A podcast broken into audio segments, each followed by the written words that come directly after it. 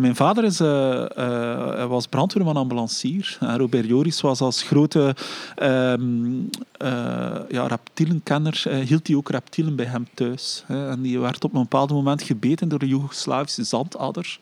Een levensbedreigende beet. En mijn vader was die dag ja, van dienst en heeft hem ehm, met de ambulance naar het UZ Gent gebracht. En ehm, ja, eh, Robert vindt, eh, vond dat mijn vader uh, zijn leven heeft gered omdat mijn vader hem heeft wakker gehouden tot uh, het serum kon worden toegediend.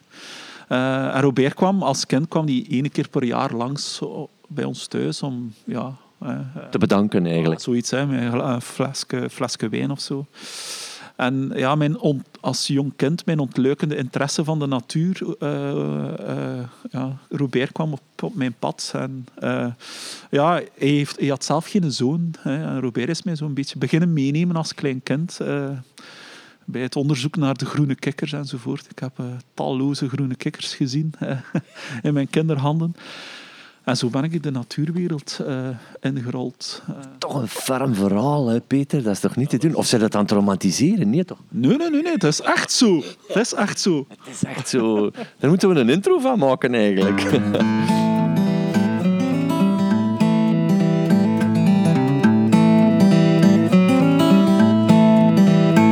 Welkom, beste luisteraars, bij de tweede aflevering van deze podcast over biodiversiteit, die toevallig dezelfde naam heeft aan het natuurstudiebureau waar ik voor werk, Corridor. En deze maal ging ik met collega Peter Klaus naar het Boelarenbos in Gerardsbergen, waar Corridor inventariseert en meehelpt aan de natuurbeheerplannen. Peter is iemand die kan doorbomen over natuurwetgeving, omdat dat zijn grote expertise is, maar de grondslag voor zijn fascinatie is de natuur zelf, natuurlijk. Hij neemt ons mee naar dit prachtige bos, heeft het over wat Corridor daar nu precies doet en draait ondertussen elk stukje hout om in het valleitje om op zoek te gaan naar een van zijn favoriete soorten, de vuursalamander. Om dan ook gaandeweg zijn liefde te verklaren voor de zwarte specht. Uh, het Boelaarbos uh, ligt ten zuiden van de stad Gerardsbergen, op de uh, flanken van de Dendervallei. Eigenlijk een beetje op dezelfde helling als de muur van Gerardsbergen. Ja, de koers komt er weer bij kijken natuurlijk. We gaan daar nog wel eens af en toe zien passeren, de koers. Um, maar wat, het eerste wat aan mij opvalt, Peter, is de, de, de geur. Het ruikt hier eigenlijk niet zo goed. Ja, we zitten hier in, uh, ook op de rand van een woonwijk, waarbij uh, het, het afvalwater eigenlijk nog niet is aangesloten op de riolering. En een deel van de afvalwater komt nog in het bos terecht. Dat is een van de problemen die hier zouden moeten worden opgelost. Door, door corridor? Uh, met het beheerplan dat wij aan het opstellen zijn. Dat lijkt mij heel ingewikkeld om daar aan te beginnen. Uh, dat is een probleem die wij zelf niet zullen oplossen, maar waar wij uh, ja, een aantal handvaten zullen aanreiken aan de stad die dit bos beheert. Uh, waarmee ze met uh, partners zoals Aquafin aan de slag kunnen gaan om dat probleem op het terrein aan te pakken. Oké, ik ben benieuwd. We staan hier aan de rand. We gaan er nu in.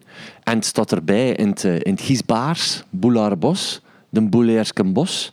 Wel, ik zou eigenlijk in dit bos twee dingen laten zien. Het is een enorm prachtig bos op een helling.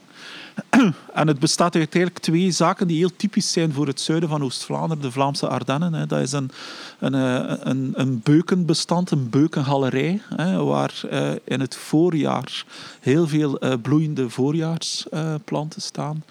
Ehm, en een bronbeekje dat een valleitje heeft uitgeschuurd op, dat, ehm, op die helling. Eigenlijk kennen wij in Vlaanderen verschillende bostypes. Hè, en uh, ja, het type bos en de bomen en planten die daar voorkomen, die wordt eigenlijk, dat wordt eigenlijk bepaald door uh, de abiotische factoren van de ondergrond.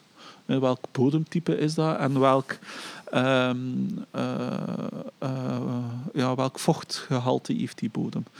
Um, hele natte bodems, hè, zoals een bronbos of een broekbos, die worden gedomineerd door zwarte els, S, uh, berg in sommige gevallen.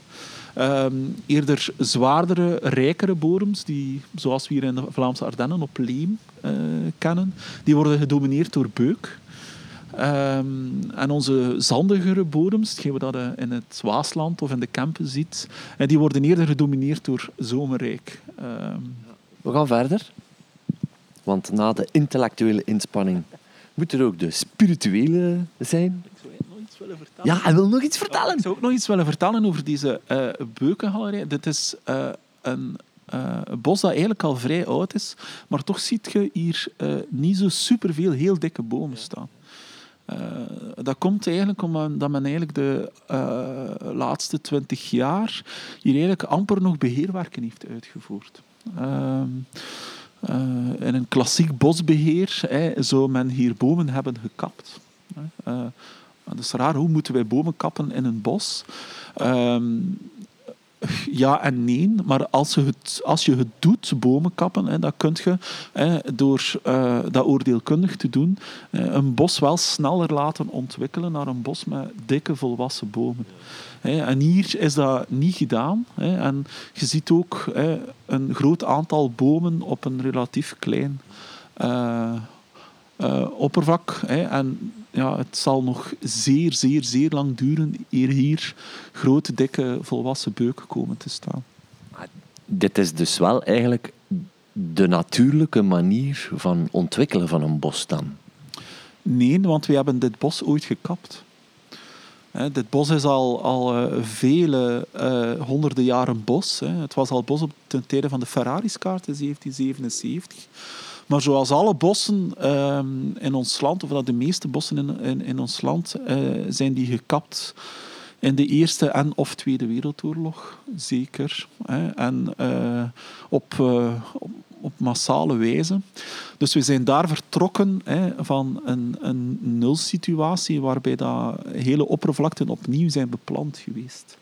We zijn dus gestart van een onnatuurlijke situatie waar dat alle bomen eigenlijk een gelijkaardige leeftijd hebben.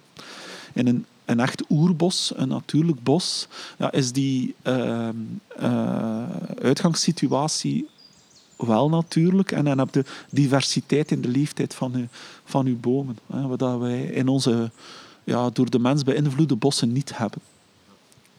Winterkoningsken om de achtergrond trouwens. Prachtig begeleid. Um, Peter, je zegt Eerste Tweede Wereldoorlog. Waarom? Ja. Is dat kap omwille van uh, defensie? Is dat kap omwille van brandstof? Uh, in de eerste plaats omwille van brandstof. Hè. Ja. En dat was in sommige gevallen ook belangrijk om zicht te hebben op, uh, op, op de vijand natuurlijk, maar in de eerste plaats omwille van brandstof.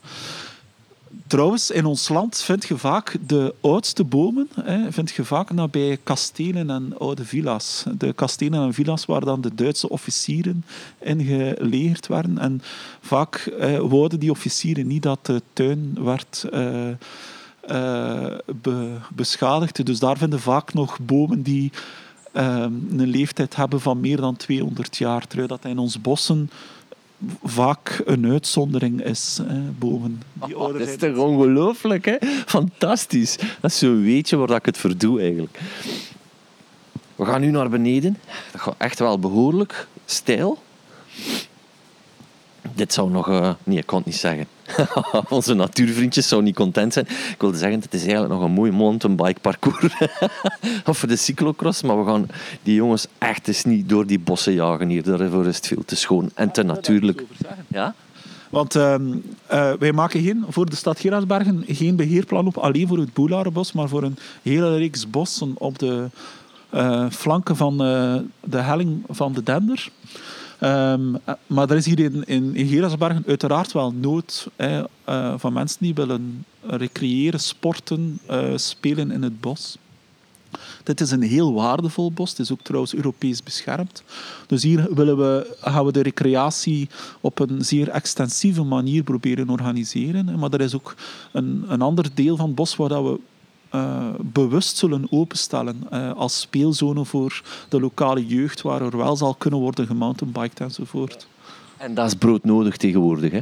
Ja, absoluut. Hè. We hebben gemerkt door de coronacrisis dat mensen plots beseffen hoe waardevol natuur wel is, hè, als er niks anders meer is.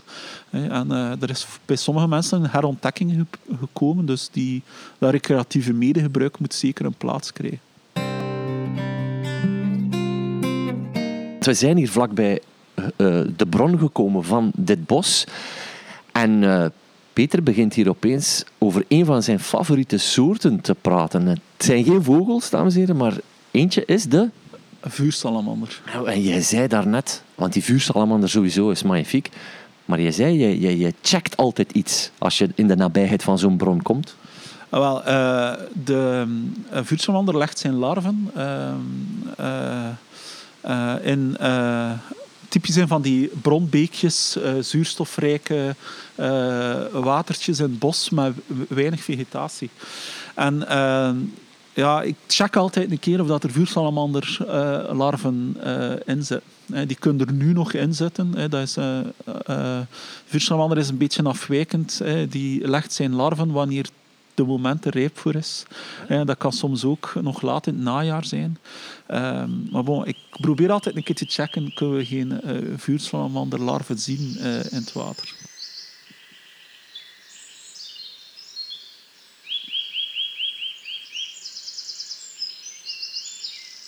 En nu gaan we naar uh, de bron.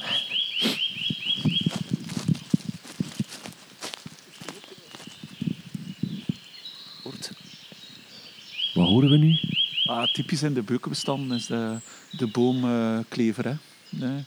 Het tweet, tweet, tweet. Die, uh... Volgens mij zei hij tweet, tweet, tweet, maar goed. Tweet, tweet, tweet. ja. ja. Dat komt misschien nog ja? een, typisch beeld. We staan hier nu uh, over op de Bronbeek. daar is nu recent een beuk omgevallen. Ehm, ja, misschien door de zware regenval. Hè, uh, is dat gebeurd. In een beheerplan hè, gaan we voorschrijven om wanneer die niet gevaarlijk is en hij ligt niet in de weg van een wandelpad, om die beuk nu te laten liggen. In uh, het oude gedachte werd er vaak, ja, een bos moet proper zijn, er valt een boom, we moeten dat opruimen. Maar uh, dood hout brengt enorm veel leven en diversiteit in het bos. Zeker wanneer je in een bos zit met een, ja, veel gelijkjarigheid, hè, met veel relatief jonge bomen, brengt dat dood hout enorm veel uh, leven, zowel liggend als staand. En we proberen in het moderne bosbeheer wel een, een, een ruim percentage van uh, de bomen in het bos als dood, dood hout te bewaren. Het is, voor mij is het ook magnifiek om zo dood hout in een bos te hebben. Dus esthetisch is het ook goed. Uh, die boomklever die wil precies meebabbelen in ieder geval. Eventjes kijken. Maar dat is, zo, dat zo'n typische plek, zo dat uh, plasje dat we nu zien. Uh, die, die bronbeek loopt in verschillende etages naar beneden en af en toe heb je door een tak of een steen die er ligt, zo even een, een luwere zone. Daar, dat is de plek waar je vuursalamanderlarven kunt terugvinden. Maar een vuursalamander die is toch zeldzaam. En die lijkt mij toch ook niet in heel Vlaanderen voor te komen. Maar hier waar wij staan, wel? De vuursalamander in Vlaanderen uh, is zeldzaam, maar in Europa is dat een vrij algemene soort. Ah, ja. Ja, dat is, uh, maar in, in, Vlaanderen bereikt hij zijn meest noordwestelijke uiterste oh. van zijn verspreiding.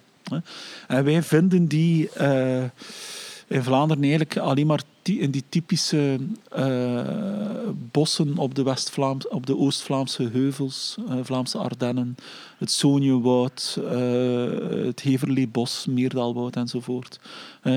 tot, op, tot in de voerstreek. Hè. Maar ten noorden daarvan ehm, vinden we ze niet meer terug. Ja, prachtige soort. Hè. Kan je eens beschrijven, Peter, voor de mensen die die niet kennen? Ik kan het me niet voorstellen, maar ze zijn er. De mensen die een vuursalamander niet kennen. Ja, de meeste... Uh, nee, ik hoor heel veel, veel mensen... Ja, ik heb een vuursalamander uh, uh, onder mijn brandhout. Hè. En dan zeg ik altijd... Ah, ja, maar je hebt een, kamps, een alpenwatersalamander gevonden. Nee, nee, nee, een vuursalamander. Een alpenwatersalamander is die, onze typische watersalamander met zijn fel oranje buik. Hè. Eh, maar de uh, vuursalamander is geen uh, land, uh, watersalamander, maar een echte landsalamander. die kan trouwens ook niet zwemmen. de, de, de vuursalamander. en leeft typisch in bossen. is relatief groot, tussen de 15 en 18 centimeter. Is zwart met prachtige gele vlekken. En iedere vuursalamander heeft een aparte vlekkenstructuur, zodat je die eigenlijk ja, individueel zou kunnen herkennen. Uh, Kunt ze een naam geven, Janneke en Mieke? Ja, bijvoorbeeld. Zo perfect. Wat tegenwoordig wel meer gebeurt in onderzoek met dieren. Ze geven ze een naam. Hè. Vroeger was dat niet het geval. Uh, ja, nu zitten we weer op een totaal ander spoor. Maar um, ja, kan je nog wat vertellen? Doe maar. well, het is een, een, soort die zich niet zo gemakkelijk laat zien, hè, omdat ze uiteraard... Uh, ze is nachtactief hè, en ze heeft... Uh, ja, uh, vochtige omstandigheden nodig. Dus eigenlijk het beste moment om dat te gaan zoeken in de bossen. En Dardenne bijvoorbeeld kunnen dat gemakkelijk zien. Is op uh, een warme lenteavond als het aan het regenen is. En als je dan gaat gaan wandelen, hè, dan zie je de vuursalamanders soms gewoon op het wandelpad zitten. Dat is heel, heel spectaculair. Ik heb hem ooit één keer gezien. Ik heb hem nog maar één keer gezien. Ook heel lang geleden, moet ik zeggen. Maar het was wel... Ja, uh, iets wonderbaarlijks als je hem tegenkomt. Hè. Het, is, het is fantastisch om mee te maken. Maar hier zouden we dus kans hebben misschien om nog larfjes tegen te gaan. Uh, tegen te komen, excuseer. Um, Peter pakt er onmiddellijk zijn uh, verrekijker bij. Hij gaat ook checken nu is ook gemakkelijk, relatief gemakkelijk om de larven te herkennen. Ze zijn relatief groot. Zo typische eh, salamanderlarven met een dikke kop en eh, de kieuwen die eraan hangen. Maar wat dat opvalt, is dat aan de, het gewricht waar de poten aan het lichaam zitten, zit een, wit puntje. En dat wit puntje, dat kun je van eigenlijk ook met je verrekijker op een afstand gemakkelijk zien. En dat maakt het verschil uh, mee. In bospoelen kun je ook nog andere salamandersoorten treffen. Alpenwatersalamander, kamsalamander in, in, mindere mate. Maar in zulke omstandigheden is dat bijna altijd vuursalamander. Uh. Dus het is uh, een oude liefde die aan niet roest, die, uh, die salamanders? Of is dat iets waar je nog altijd oog voor hebt en blijft hebben? Ja, ik, ik uh, blijf daar oog voor hebben. Ik kan het niet laten om als ik uh, in het bos, en dus ook op plekken waar geen vuur, vuursalamanders zit, maar waar ik in het bos in het najaar ja, een blok hout zie liggen, ik kan het niet laten om die een keer om te draaien. en dan ja, met mijn kinderen, hey, bijvoorbeeld, ja, dan vinden heel snel een een alpwatersalamander of zo. Ik vind dat geweldig. Zalig, zalig. Ja, en iets waar dat ik eigenlijk... Um, ik weet wel uh, waar dat de klok hangt, maar niet de klepel, Peter. Dat gaat over het volgende. Ik heb me laten wijsmaken dat salamanders, maar ook kikkers. Um, ja, dat die uh, heel gevoelig zijn tegenwoordig aan een soort schimmel dat de intrede doet hier. Hoe zit dat verhaal in elkaar? Weet jij daar meer over? Uh, het is waar. Het is, het is ook trouwens zeker de vuursalamander die er heel vatbaar voor is. Um, het is een schimmel. Ik ben nu te twijfelen. Ik denk dat hij uit Azië is meegekomen. Die um, ja, wordt verspreid onder de amfibieën en um, uh, ja, leidt tot hoge sterfte. in Nederland bijvoorbeeld zit alleen vuursalamander in Nederlands Limburg, net op de grens met onze voerstreek. Er kwam nu toch wel een klein glimlachje rond je lippen als je dat zei. maar wij hebben dus meer vuursalamanders. Ja, ja, ja, absoluut. maar uh, het is... Um, uh, ja, dat zorgt daarvoor enorme ravages in die populaties. Uh, ja, de overheid heeft ook protocols vastgelegd um, om nu aan amfibieënonderzoek te doen. Hè. Je moet je handen ontsmetten, schoenen ontsmetten, handschoenen dragen enzovoort. Maar dat was ook voor de bezoekers van een bos gewoon zo, niet? Ik, ik, ik herinner mij dat ik foto's gezien heb van matjes. Ja, waar in, Limburg, in Nederlands-Limburg is dat een tijdje zo geweest, omdat... Ja, klopt. Maar in Vlaanderen zijn er al een paar uitbraken geweest, uh, voor zover ik weet. maar uh, tot nu toe uh, lijkt het wel mee te vallen, maar het is zeker iets wat sterk moet worden opgevolgd. En dat wordt opgevolgd door het Instituut voor Natuur- en Bosonderzoek van de Vlaamse overheid. Ik kan u toch eens proberen dat, bosje te, dat, bosje, dat bronnetje te laten horen aan de luisteraars ook. Hè? Oh, hier hebben we een beetje stroming. Dat ga ik een keer laten horen.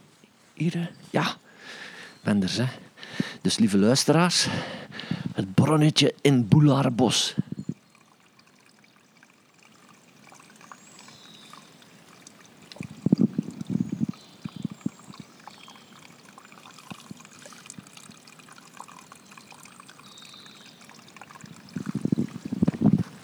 Voilà.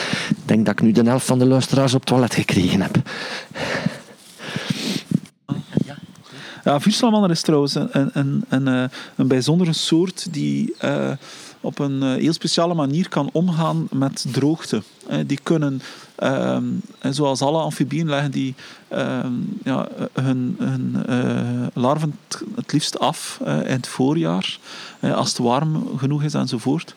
Maar soms lukt dat niet omdat het droog is. En die zijn in staat hè, om de uh, larven op te houden in het lichaam en te wachten tot het uh, uh, natter wordt. Hè. En omgekeerd, ook de larven die kunnen versneld ontwikkelen wanneer de poel waar dat ze in zitten dreigt droog te vallen. Wat, een, wat een instinct, wat een gevoel. In die zin zie je vaak, hè, na lange droogte, heb soms hè, enorme regenval, zoals we de afgelopen week hebben meegemaakt, waardoor dat er op bospaden tijdelijke plassen ontstaan. Hè. En dan zie je, heel kort daarna, zie je vaak dan plots larven in die plassen. Uh, en karrensporen enzovoort. Subliem, hè, hoe dat in elkaar zit. Wij staan hier nu ook een beetje in functie van ons werk. Uh, corridor. Kan je nu eigenlijk omschrijven hoe Stad Gerardsbergen, denk ik, dan in contact komt met jullie? Met welke vraag? Um, de oorsprong ligt eigenlijk bij uh, de natuurwetgeving.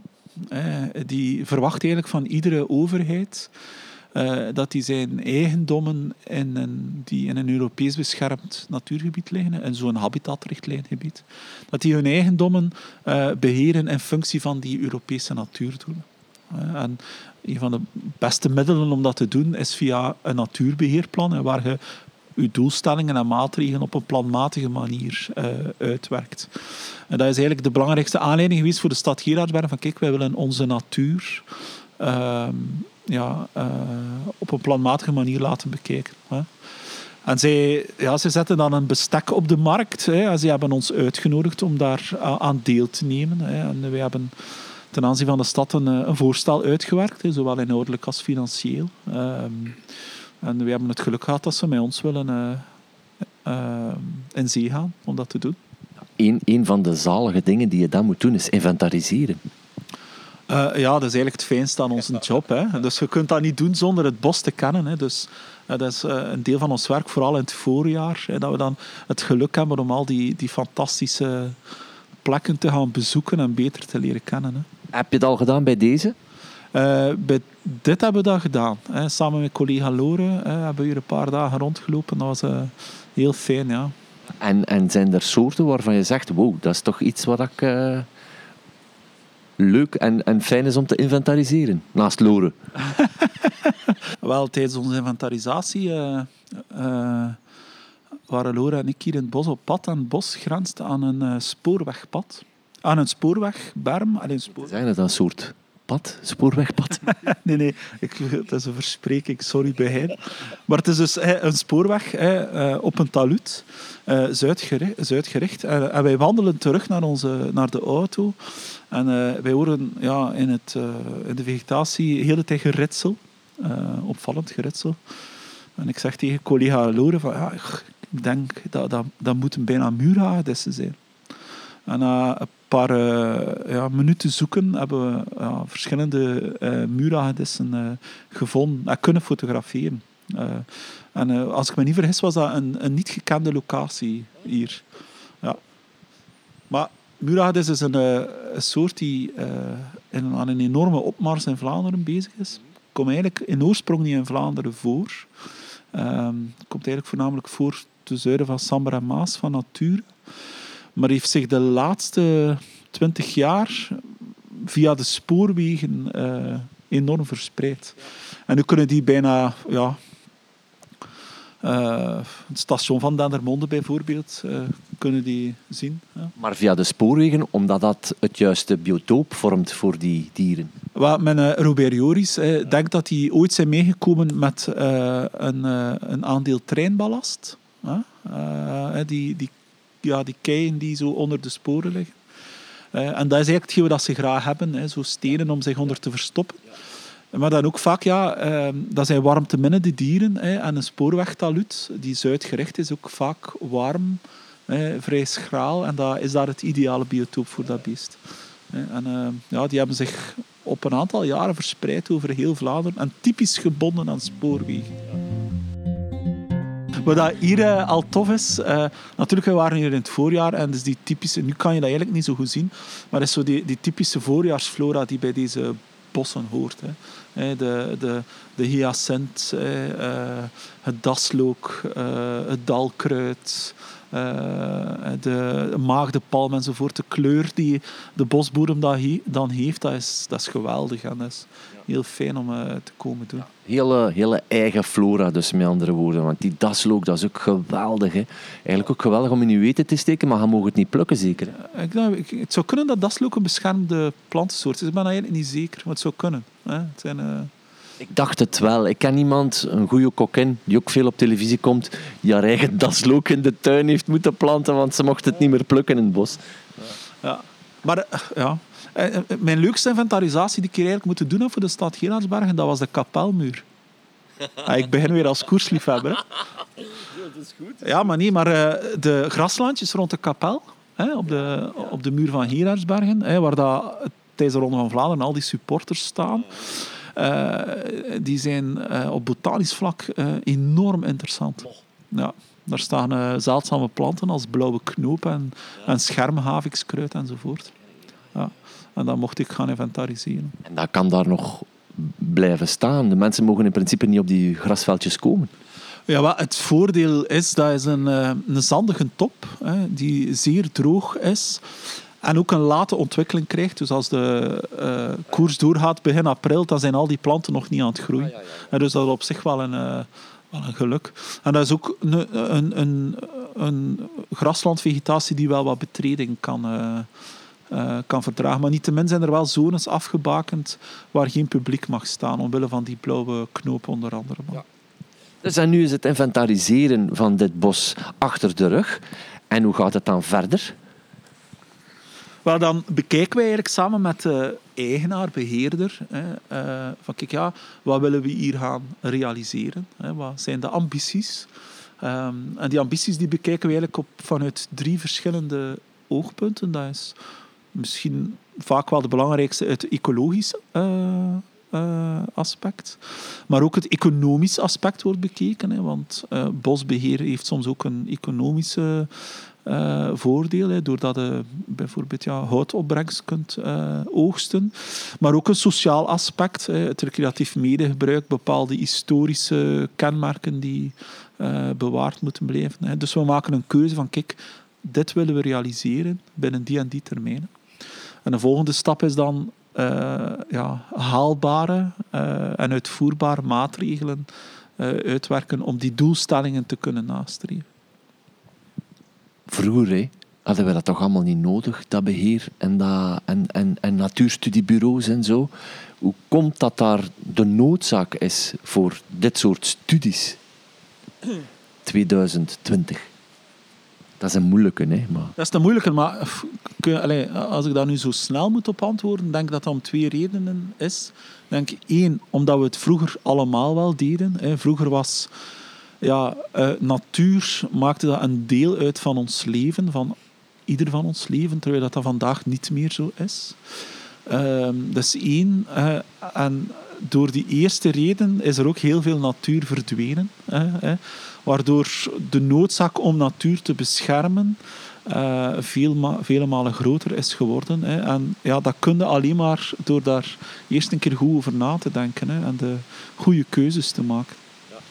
En het lijkt mij ook, hoe meer dat ik dan ook bij corridor werk, maar hoe meer dat ik ook meer bij natuur betrokken ben, is dat het toch allemaal niet zo eenvoudig is als dat het lijkt. In die zin dat ik ook al ondervonden heb dat van zodra dat er geen ecologen bij betrokken zijn, dat er vaak de verkeerde beslissingen geworden genomen. Eigenlijk soms wel in functie van de natuur, maar die meer nadelen leveren. Wel, ja, veel mensen begrijpen ook niet waarom moet je eigenlijk de natuur beheren. Laat de natuur toch zijn ding doen. En dat is een keuze die we enerzijds wel zouden kunnen maken, maar zoals ik al eerder zei, wij hebben zeker hier in Vlaanderen eh, we hebben geen echte natuur. Alle, al onze natuur is natuur die door de mens is gemaakt of door de mens is beïnvloed. Hè. Dat maakt hè, dat we uh, en dat maakt ook dat bepaalde planten en diersoorten afhankelijk zijn geworden van, de, van dat menselijke handelen. Hè. Um, en om bepaalde planten en diersoorten in stand te houden, moeten we op een bepaalde manier gaan ingrijpen. Dat is een, keuze die we uh, moeten maken. En dan ja, uh, ja, is er vaak toch wel een beetje expertise nodig, een beetje ervaring, een beetje uh, mensen die al wat jaren in het veld hebben gestaan, om te weten, om de keuze te kunnen maken van ja, als we, hoe de traject naar het behoud van een bepaalde soort of een bepaald bostype, hoe gaan we dat in de omstandigheden waar we nu in werken eh, gaan aanpakken. En daar, ja, daar is gewoon expertise voor nodig. En ondertussen is er een windje opgestoken. Luister maar.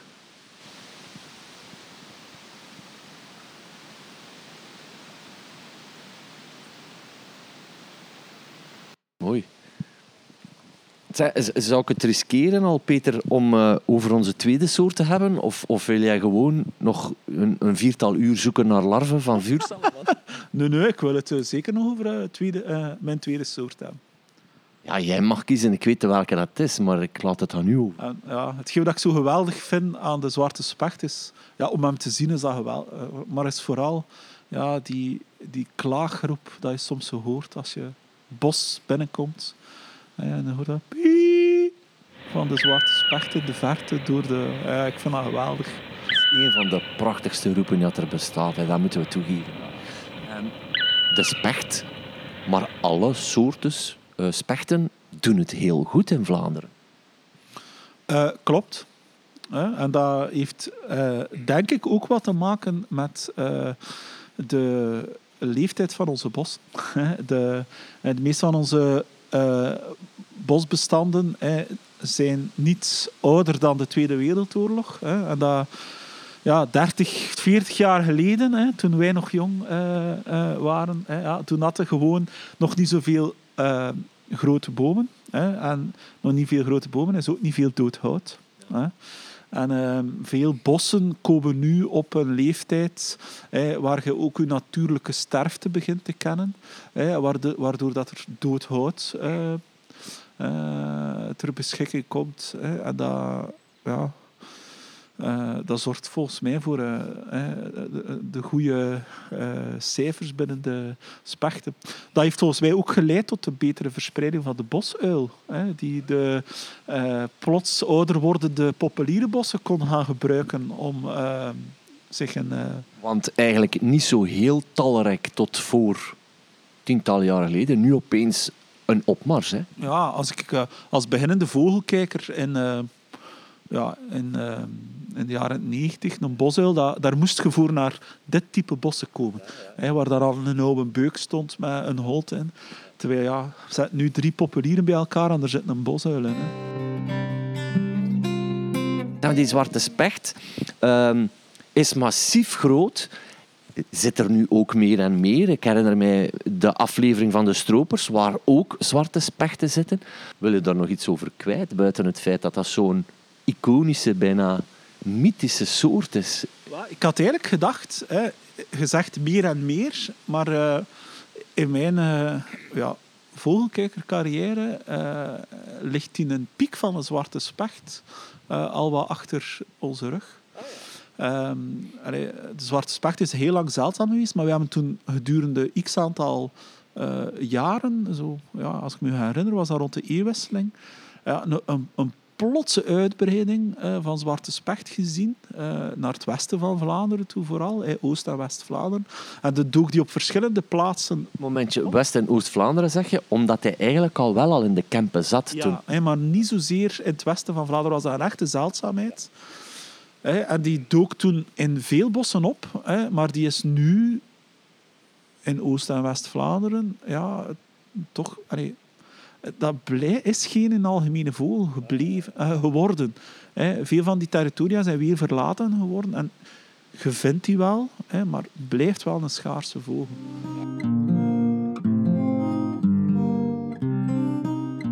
Ja, mijn, mijn eerste herinnering aan Zwarte Specht...